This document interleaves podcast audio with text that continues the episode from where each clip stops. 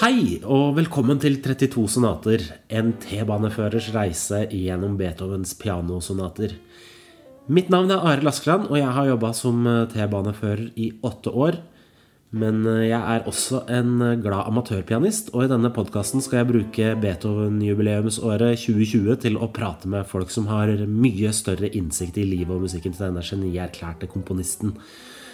I hver episode vil jeg møte en gjest som deler av sin ekspertise og hjelper meg å forstå musikken bedre. Jeg håper og tror at disse samtalene vil være interessante for deg som er opptatt av klassisk musikk, enten du er ny i gamet eller har hatt abonnement i Filharmonien i 60 år. Én ting er i hvert fall sikkert. I Beethovens musikk vil du alltid oppdage noe nytt.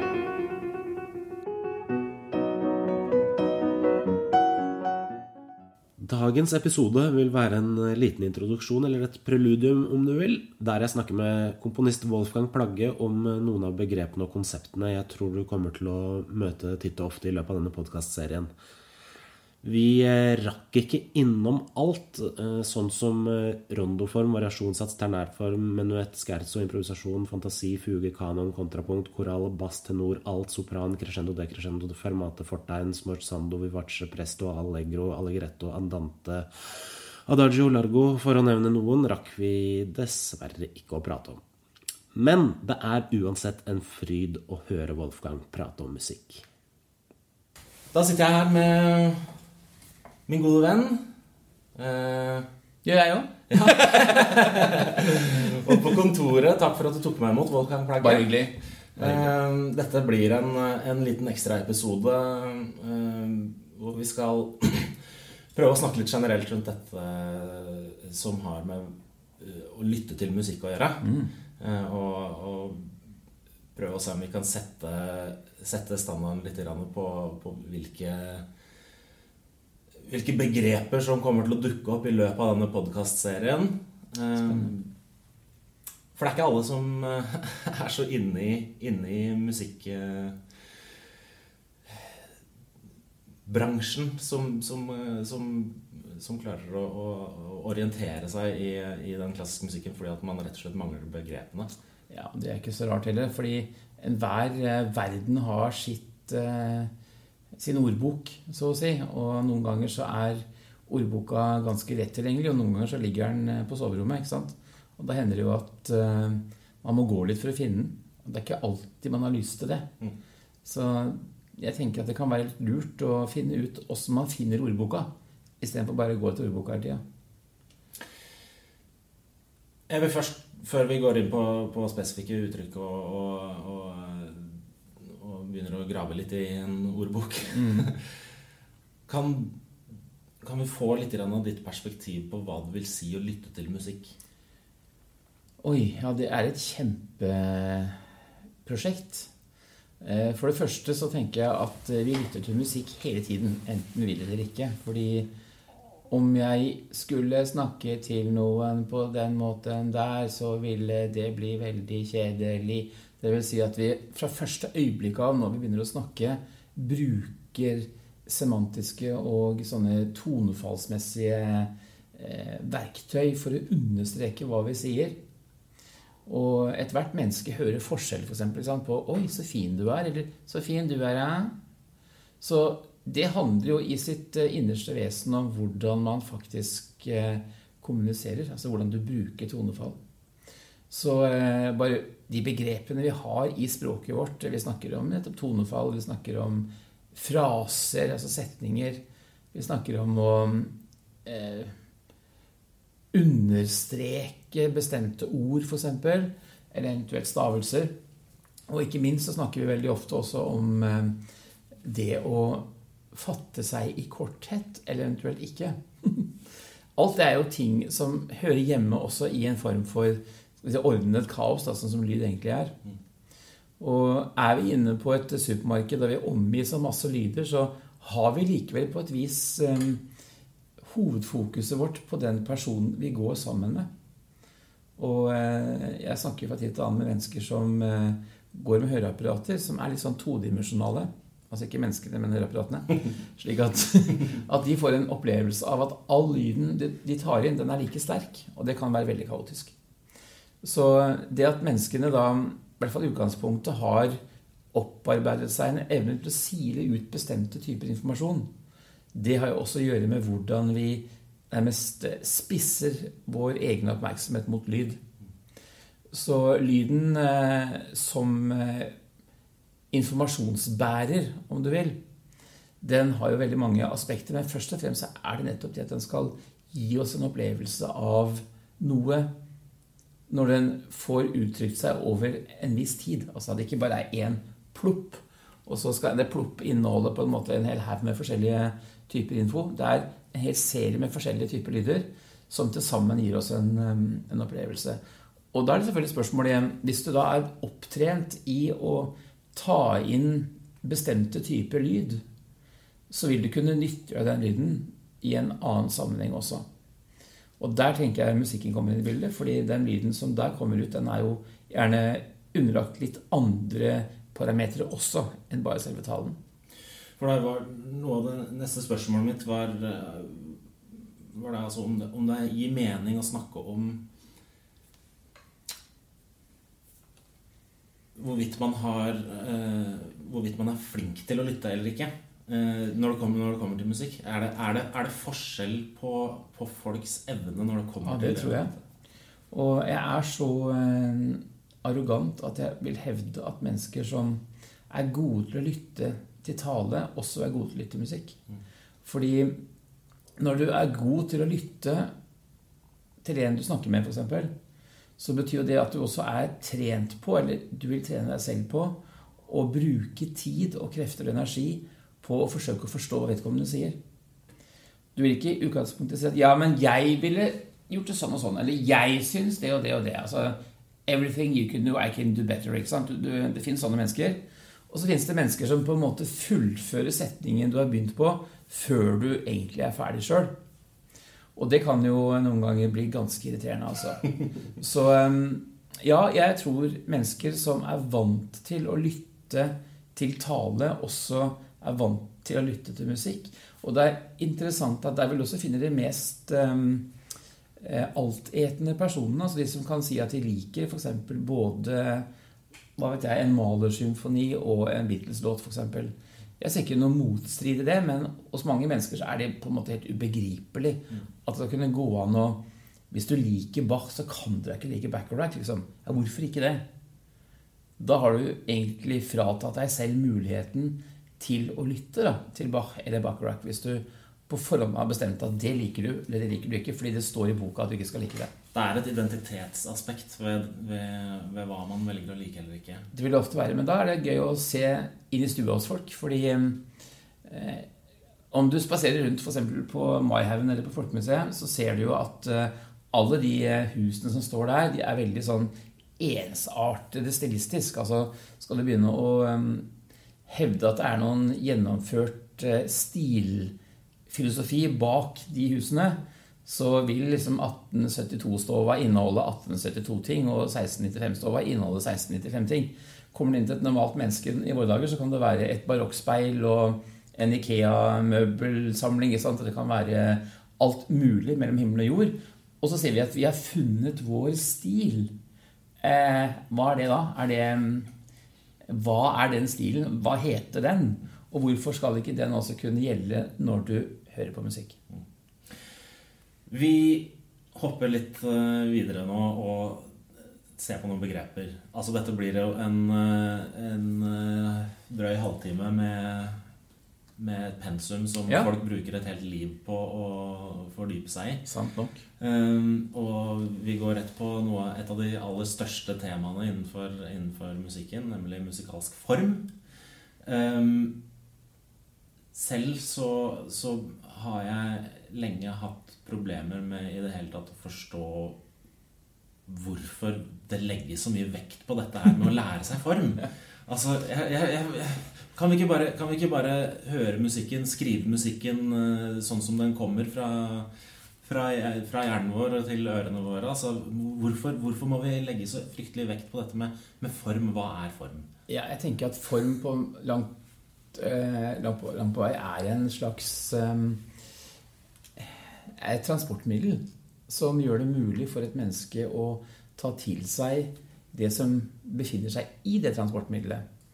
Og hvorfor mennesker har en tendens til å velge sykliske former, f.eks. Jeg kommer tilbake til hva det er for noe. Eh, det er rett og slett fordi vi er eh, ganske symmetriske selv. Eh, ser vi oss sjøl i speilet hvis vi tør, så ser vi vesener som um, Alt det vi har én av på kroppen, har vi langs midtaksen, og alt det vi har to av, er på hver sin side. Det vil si at vi rent fysisk, i hvert fall i utgangspunktet, har en symmetrisk kroppsbygning som gjør at tyngdekraften som drar oss ned mot jordkloden, utsetter oss for minst mulig stress. Hadde den gått på skeive, så hadde vi sett veldig rare ut. men, eh, men, eh, vi har nå engang kropper som har tatt høyde for at vi har en tyngdekraft som drar oss rett ned, og ikke på skrå mot underlaget. Det vil si at vi har en, eh, en iboende en sånn estetisk genom som eh, forutsetter symmetri som det normale. Og en symmetrisk form kroppsform, hodeform, ansiktsform er jo for de aller fleste mennesker noe vi tilstreber. ikke sant?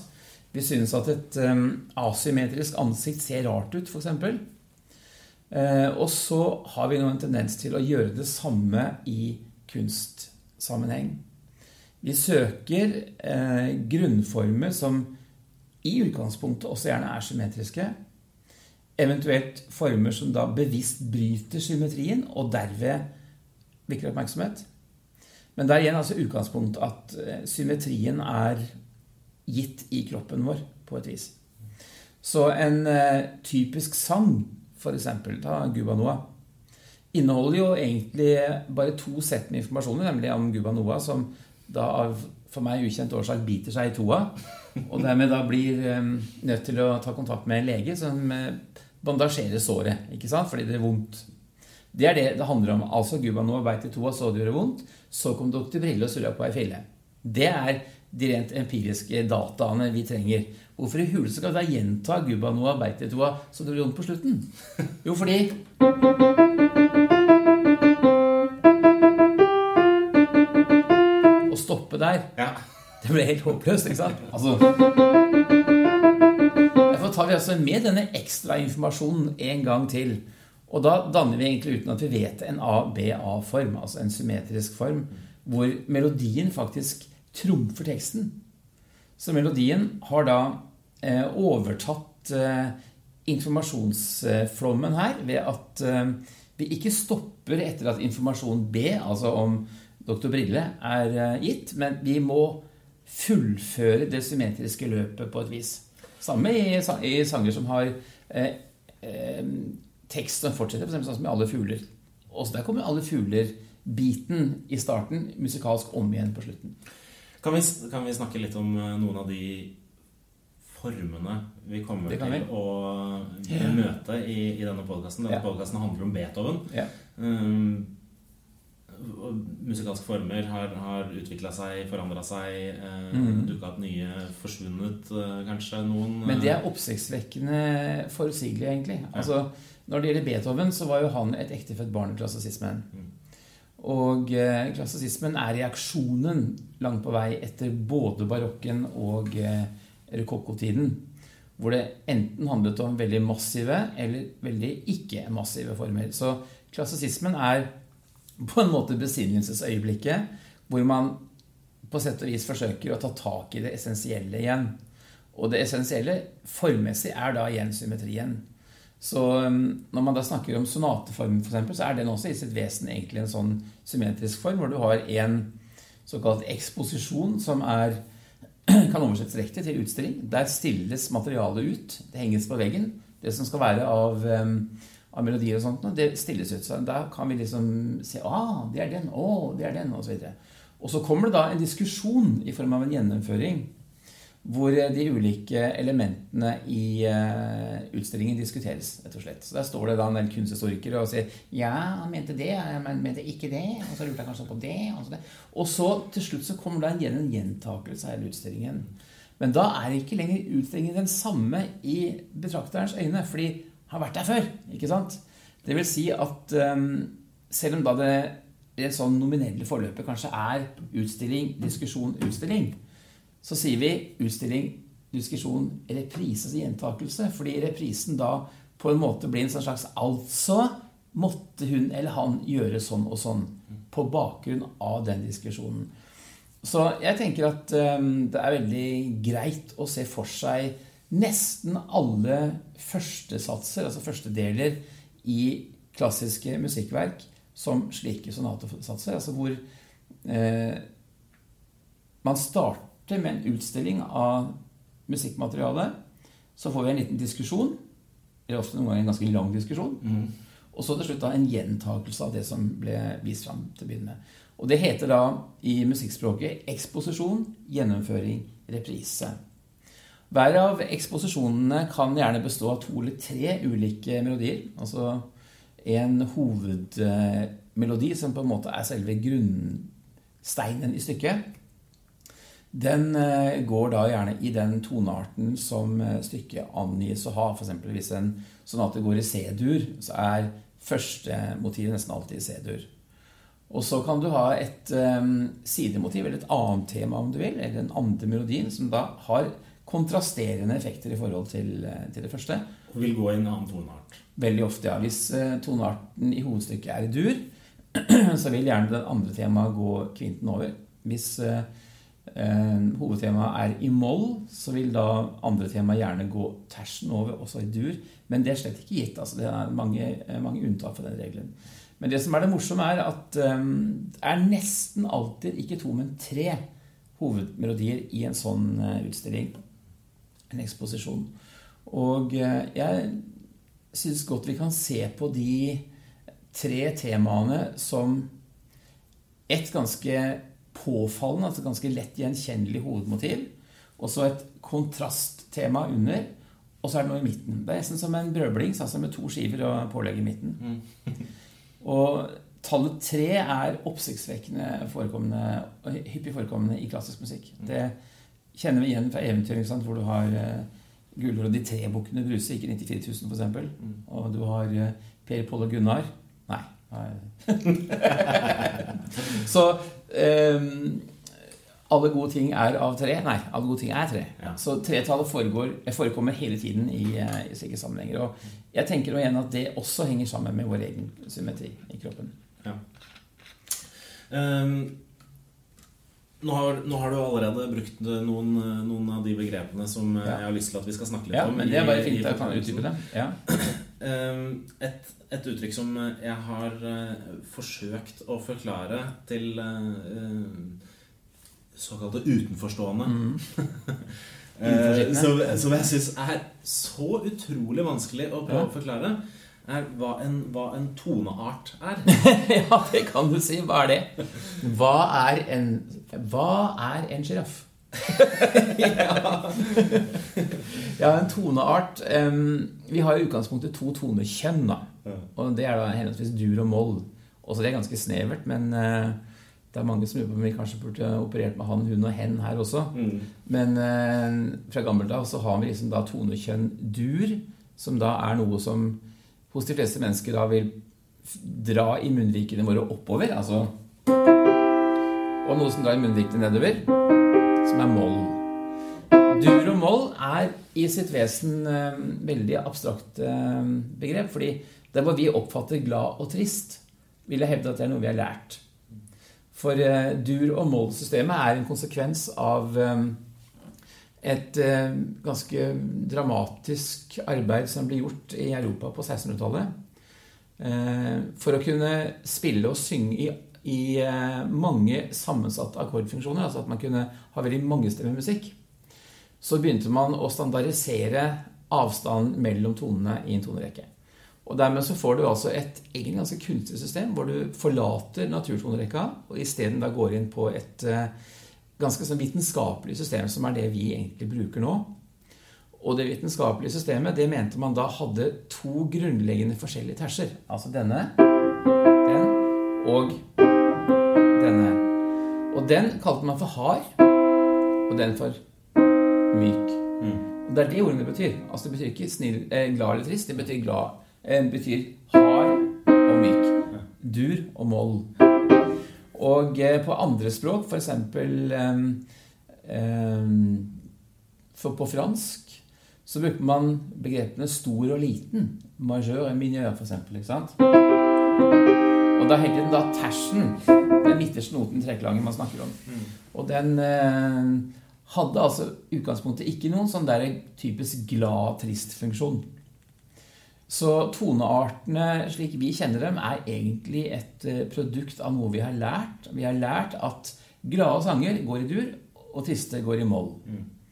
Men eh, det var altså langt eh, mer komplekst enn som så på utgangspunktet, fordi det hadde man å gjøre med et tonesystem hvor du ikke definitivt bare kunne si at 'Å, nå er jeg glad', eller 'nå er jeg trist'. Så eh, tonekjønnene er i musikalsk forstand kunstige konstruksjoner. Men toneartene, altså de ulike durene og målene vi har, vi har tolv av hver, de kan man da tenke seg at man lager på hvert eneste tonetrinn. Man kan lage en eh, tonerekke som går fra C til C i dur eller moll. Eller man kan lage en som starter på D eller i moll. Og så videre oppover. Så vi kan egentlig starte en tonerekke på en hvilken som helst av de tolv tonene i skalaen. Derfor har vi altså da tolv dur og tolv moll-rekker. Og hver av de rekkene har da eh, rent sånn utgangspunktsmessig ingen andre forskjeller ved seg enn at de starter på hvert sitt sted. Men eh, fra barokken av så begynte man da ganske tidlig å mistenke at alle disse tolv rekkene i dur og tolv rekkene i moll hadde hver sin egenskapsserie.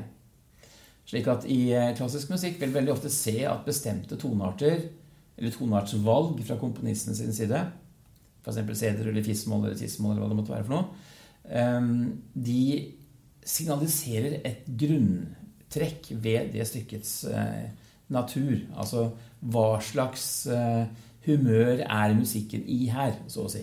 Og det er bare ved å si om den går i C-dur eller D-dur, f.eks.? Ja. Ja. Altså det er påfallende, f.eks. hvis man da tar utgangspunkt i Beethoven, da, at um, absolutt alt den mannen har laget som går i S-dur, er heltemodig.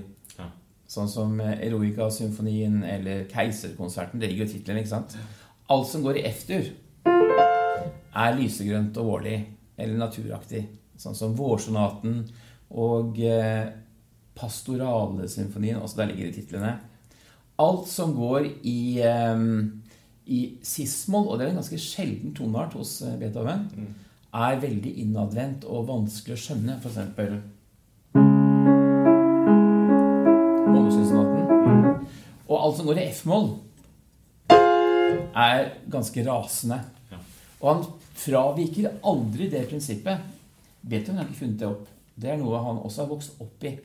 Nå, nå har vi beveget oss liksom inn i, inn i uh, dette med at, at eh, hver toneart har, har hvert, sitt, hvert sitt preg. Um, men vi må gå litt videre, for jeg, vil, jeg vil gjerne at vi skal snakke litt om harmonikk. Ja.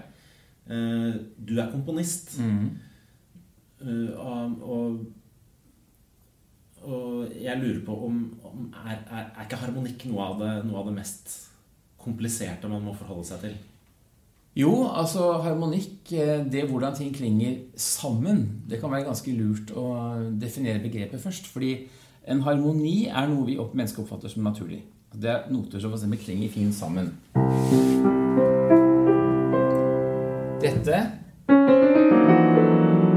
klinger ikke naturlig sammen, syns vi, og dermed så oppfatter vi det som disharmonisk, eller til og med kakofonisk. Um, så det som kommer i en harmonisk sammenheng, er ganske tett opp til, eller faktisk helt spot on, det samme som delfrekvensene i en tone. Det vil si at hvis jeg sier deg en tone, så har den tonen en gitt serie med overtoner som bygger opp denne tonen. Samme om du hiver en stein ut i vannet, så vil du se ringer, og det er alltid samme avstand mellom hver av ringene bortover i vannet. De ringene står da i et harmonisk forhold til det ploppet i midten, kan du si, ikke sant? Det vil si at eh, om jeg skulle spilt et sånt ringsystem på piano, så ville du altså fått en tonte med en kvint over og en kvint. En, en kvint og så en kvart. Stor ters, liten ters. Og så egentlig en litt for liten ters. Og så en ren C igjen. Så dette er notene som vil bygge opp det vi oppfatter som en harmonisk akkord. En harmoni. Og eh, artig at overtoner på engelsk heter harmonics, f.eks. Så det er notene som da bygger opp det harmoniske bildet. Um, så musikk som da eh, på et vis eh, hele tiden da forholder seg til den typen harmoni, vil også forholde seg til en type akkordfunksjon som kjennes naturlig viktig. Det er bare det om du skulle spist um, f.eks. Uh, chili con carne uten chili hele livet, så blir det ganske kjipt.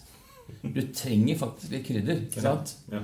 Og krydderet i musikken er da rett og slett dissonansene. Så spørsmålet er skal du da sette kjeften i bare dissonanser eller bare konsonanser. Skal du spise bare krydder eller bare kjip mat? Å finne balansepunktet er det vanskelige. Mm. Så der vil selvfølgelig folk si at um, det er veldig subjektivt forskjellig, og det er helt sikkert sant. Noen opplever at uh, en liten dissonans allerede er forstyrrende, mens andre opplever at uh, for få dissonanser gjør musikken kjedelig osv. Så, videre. så vi ser det opp gjennom hele historien at uh, når folk har holdt på lenge nok med en bestemt måte å lage musikk på, så begynner de hele tiden å undersøke om det går an å tøye grensene litt lenger. Men i barokken og også i klassisismen så var det lengste man gjerne gikk da når det gjaldt å lage dissonanser, det var å legge dem fram, og så løse dem opp i en konsonans igjen. Mens det som da skjer eh, mot slutten av forrige århundre, det er at eh, vi faktisk opplever at dissonansene postuleres og ikke løses opp igjen. Men eh, det er likevel litt morsomt å se hvor langt de kunne finne på også å gå i barokken, f.eks. Om vi tenker oss slutten på Matteuspersonen Den her Dette er det siste som skjer. Og så et siste øyeblikk. Så den oppløsningen vil alltid komme, både hos Bach og Händel og Beethoven og Haydn og alle andre. Men når vi nærmer oss altså det 20. århundre, så er det mange som sier ja, men hvorfor må vi alltid løse dem opp? Kan vi ikke bli stående med spørsmålstegn da, f.eks.? Og da vil det neste spørsmålet være ja, men hvorfor trenger vi et spørsmålstegn? Hvorfor trenger vi i det hele tatt bokstaver? Og så har vi det gående, og så løser vi opp hele systemet. Så eh, harmoni, ja, er vanskelig. Harmoni er naturligvis veldig subjektivt. Eh, noen ganger kan harmonien kort og godt ødelegge selve melodien. Altså ved at man blir så opphengt i harmoni at musikken blir loddrett hele tiden istedenfor vannrett. Men eh, i sitt vesen er harmonien jo nettopp det. Den skal understreke klangfargene i, i musikken. Har du noe, noe inntrykk av hvor vi, hvor vi, er i dag når det kommer til, kommer til denne, denne, tanken om, om eh, dissonans og, og, konsonans? Det er igjen veldig veldig, veldig subjektivt, selvfølgelig. Men eh, det totale inntrykket er jo at den store skal vi kalle det disharmoni-æraen langt på vei er tilbakelagt. Mm. Eh, vi ser det jo gjerne som en konsekvens av den enorme rivnings- og brytningstiden verden befant seg i mellom, si, mellom 1789 og 1945. At før eller siden så måtte kunsten og menneskene, fordi kunsten er en måte menneskene snakker sammen på, måtte gjenspeile det voldsomme kaoset som fantes inni folk.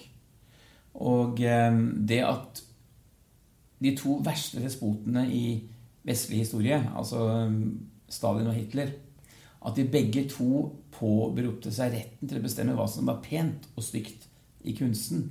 Det er ganske grotesk utgangspunktet. Mm. Har jo også da gjort at um, når da disse epokene endelig var over, spesielt nazismen i 1945, så var det jo et legitimt spørsmål å stille hvorvidt det vakre gjenspeilte det egentlige skjønne i kunsten. Så det som da skjedde som en direkte reaksjon på det, var at um, komponisten langt på vei forkastet alle gamle måter å tenke estetikk på. Så vi må se modernismen i det lyset også. Mm. At um, det var en nødvendig eh, opprenskning, om dere vil, av eh, hva som fantes av eh, tanker i mm. menneskenes hoder. Hva er vakkert, og hva er det eventuelt ikke? Men um, igjen for å bruke det bildet med steinen i vannet altså Hiver du en svær stein ut i vannet, så kan det skape voldsomme bølger, men på et eller annet tidspunkt så begynner bølgene å forta seg igjen. Og energien i opprøret blir borte. Og eh, etter eh, spesielt at eh, Berlinmuren falt altså Vi kan sette nesten en ganske tydelig skille rundt 1990-1991.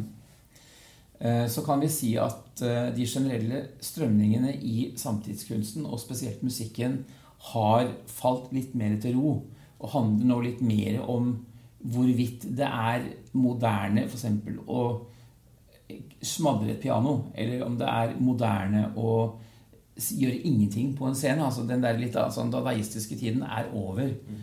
Så vi merker jo at de aller fleste mennesker har en lengsel etter ikke bare harmoni, men også etter form. Altså de, to, de tingene der Når eh, bølgene legger seg igjen, så er det gjerne de tingene som blir stående. Um, nært beslekta til harmonikk. Um, funksjonslære. Mm.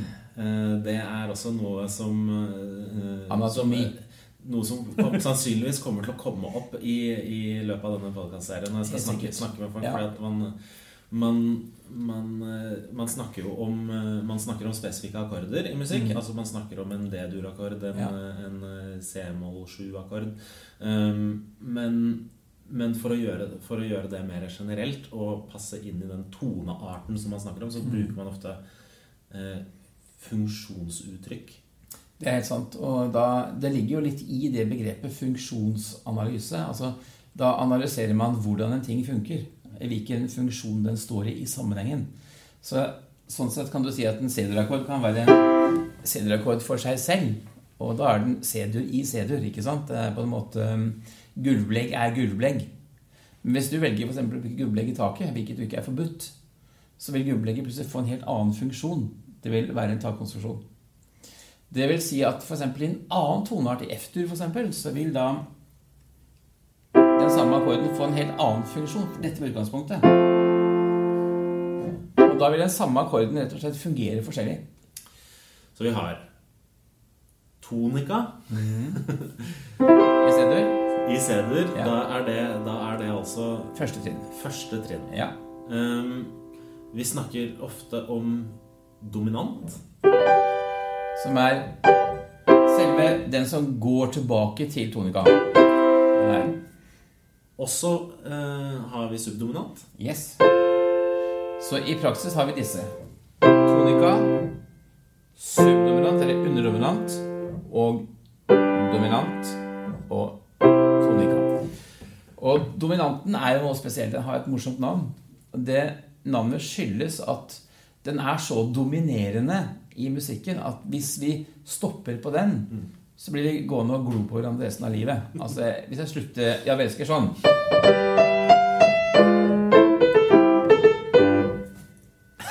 Ikke sant? Det går ikke an å slutte. Vi må ha med oss Takk. grunnakkorden igjen.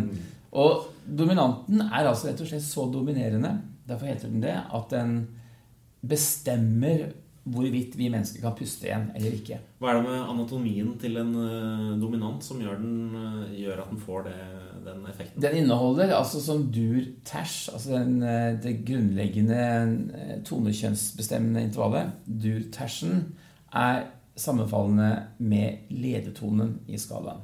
Altså den. Og den Ledetonen, der sier også ordet igjen. altså Det er en tone som leder mot grunntonen igjen. Hvis den forblir stående uimotsagt eller ikke får noen oppfølger i form av en, av en avslutning, så er det som Ja, altså mitt eh, Jeg har et bilde av eh, Se for deg som at folk um, skal gifte seg og står fremme ved alterringen, og så sier presten 'Nå, Hansen, vil du ha fru Pettersen som mottatt ekte?' Og så svarer han ikke. Da blir alle sittende eller stående og glo, og det blir veldig veldig pinlig. Og folk blir helt desperate etter hvert. ikke sant? Om man da sier ja eller nei, så er det selvfølgelig eh, dramatisk uansett, fordi det har vart så lenge. Men det er i hvert fall et svar. Og hvis svaret aldri kommer, så er katastrofen et faktum. Så eh, Derfor så tenker jeg at eh, dominanten virkelig bærer sitt navn med rette. Altså, den er en en eh, forløpsbestemmende akkord Mm. i et hvilket som helst eh, forløp. Og det er den akkorden som foregår det siste ordet, eller siste noten, i en sang alltid. Det samme mm, om jeg skulle kommet med et utsagn hvor jeg hele tiden da fjerner selve essensen, det siste ordet, så vil vi også gå rundt med konstant hjertefeil, ikke sant? fordi vi aldri får vite hvordan, hvordan historien slutta. Og eh, dermed så blir eh, dominanten viktig. Og subdominanten er da kort og godt akkorden under. Derfor heter den sub underdominanten. Hvilke andre har vi? Og vi har mange forskjellige varianter av disse. Vi har f.eks. vi har dur-dominanter, vi har moll-dominanter, vi har tilsvarende subdominanter, vi har um, dominant kvart-sekst-akkorder. Og vi har en hel haug med andre såkalte forholdnings- eller eh, altererte akkorder, som da er mer eller mindre eh, skal si, varianter av dette her, eller hvor en eller flere noter er utsatt i tid. For eksempel en sånn note hvor du får en Vi er veldig glad i engelsk her i Norge, så vi sier gjerne en sus-akkord. Og det har altså ingenting å gjøre med at du, at du får et kyss av den akkorden, men det er altså en forkortelse av ordet 'sustained', som da betyr utsatt i den sammenhengen her. Og, eh, og eller 'suspended' sier også noen. Liksom, at man utsatte, utsetter en akkord, akkordtone slik at den først kommer i neste ledd. Det er også veldig vanlig i klassisk musikk. Det er ikke noe som er typisk for, eh, for eh, jazz- eller popmusikk. Det er eh, en arv tilbake til barokken. I løpet av denne praten så har du også eh, brukt eh, begreper som ters, kvint. Kan du snakke litt om eh, Ja da, altså terser og kvinter og, ters, og kvarter og septimer og sekster og alt sånt, og det er rett og slett eh, tallord i musikken som beskriver avstand mellom to toner. Så eh, når det ikke er noen avstand, så sier vi at to toner befinner seg i primforhold. Altså. Når vi går til neste, sånn, så snakker vi om en sekund, for det er det nærmeste vi kommer. The second på engelsk. Tash, the third. Kvart, det sier seg sjøl. En kvart er fire. Kvint er fem. En sekst er seks. Og en septim er sju. Og oktaven er to like igjen. Så det er tallordene. Altså sekund, ters, kvart, kvitt, sekst, septim og oktav igjen. Er det noe mer uh, du føler uh, må, må gjennomgås? Uh... Det er én ting, og det er I hvert fall når det gjelder musikken fra etter cembalo oppover, og det er dynamikk. Ja. Fordi dynamikken har inntil man begynte å beskjeftige seg direkte med det instrumentet som vi kaller for piano, men som egentlig heter pianoforte, altså som betyr svakt og sterkt, var det et instrument som man stort sett bare kunne spille svakt på, nemlig cembalo. Og cembalo har en helt annen type konstruksjon enn et eh, piano, ved at uh, istedenfor at man kan definere styrken på noten ved hvor hardt man slår, så var det en liten mekanisme i instrumentet som klimpret på en tynn streng. Og da kunne det slå så fort eller langsomt vi bare ville sa. Bare klikk uansett, og det var ikke noe mer. Bach kunne ikke fordra lyden av det, for det var så lite. Derfor gikk han vanligvis også til orgelet om han kunne. Og han satte også veldig stor pris på at folk gjorde forsøk på å tenke nytt. Så i Bachs eh, tid så dukker det etter hvert opp et instrument som heter klavikord. Hvor man eh, har større påvirkning på lyden enn man hadde tidligere. Men fortsatt ikke i nærheten av hva som skjer når noen finner opp altså en mekanikk hvor kraften fra anslaget kan overføres direkte til strengen. Så eh, det må man jo se for seg at Mozart-Haydn-generasjoner var dem som fikk dette i fanget.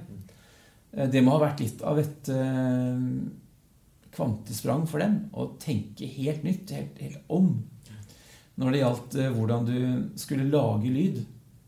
For inntil da hadde man jo basert seg på at jo fortere og jo flere noter du spiller i sekundet, jo sterkere låter det til hørelatene. Det var ikke lenger gitt. Så først Beethoven er den komponisten som 100% tar konsekvensene av det nye instrumentet og bruker disse fysiske lovene som plutselig begynner å gjelde nå, på en helt annen måte. Eh, For virkelig å understreke hvor eh, mye folk irriterte seg over klangen av cembalo, så kan jeg jo si at uh, den store engelske dirigenten sir Thomas Beecham han kalte jo cembalo for et uh, møkkainstrument. Så han sa det låter som to skjeletter som elsker på et blikktak. Ikke særlig vakkert. Men uh, vel, altså nå igjen sett i uh, tidsavstand så er jo cembalo vakkert. Jeg, jeg, jeg elsker cembalo-lyden. Det er bare det at jeg forstår også hvilken frustrasjon en del komponister må ha følt. Fordi instrumentet har sterke begrensninger, både klanglig og omfangsmessig. Så eh, dynamikken var det helt store nye rundt eh, 1800-tallet. Og det er ikke, ikke, rart at en komponist som Beethoven, som hadde et ganske vulkansk temperament, var blant dem som virkelig kunne begynne å nyttiggjøre seg det. Så dynamikk får jo en helt ny betydning i, i klassisismen og opp til vår tid. Uh, ok, jeg tror, jeg tror vi, vi, sier oss fornøyd der. Flott. Tusen hjertelig takk for at du hjalp oss gjennom masse vanskelige Veldig moro. uttrykk. Veldig moro. Uh, så snakkes vi i neste episode. Takk for at du hørte på denne episoden av 32 sonater. Hvis du likte det du hørte, gi meg så mange stjerner du kan i podkastappen du bruker, og legg gjerne inn en positiv tilbakemelding. Dette vil hjelpe andre med å finne podkasten. Har du spørsmål eller kommentarer, forslag til gjester eller noe annet på hjertet, er du hjertelig velkommen til å sende e-post til 32sonater at gmail.com. Vi høres!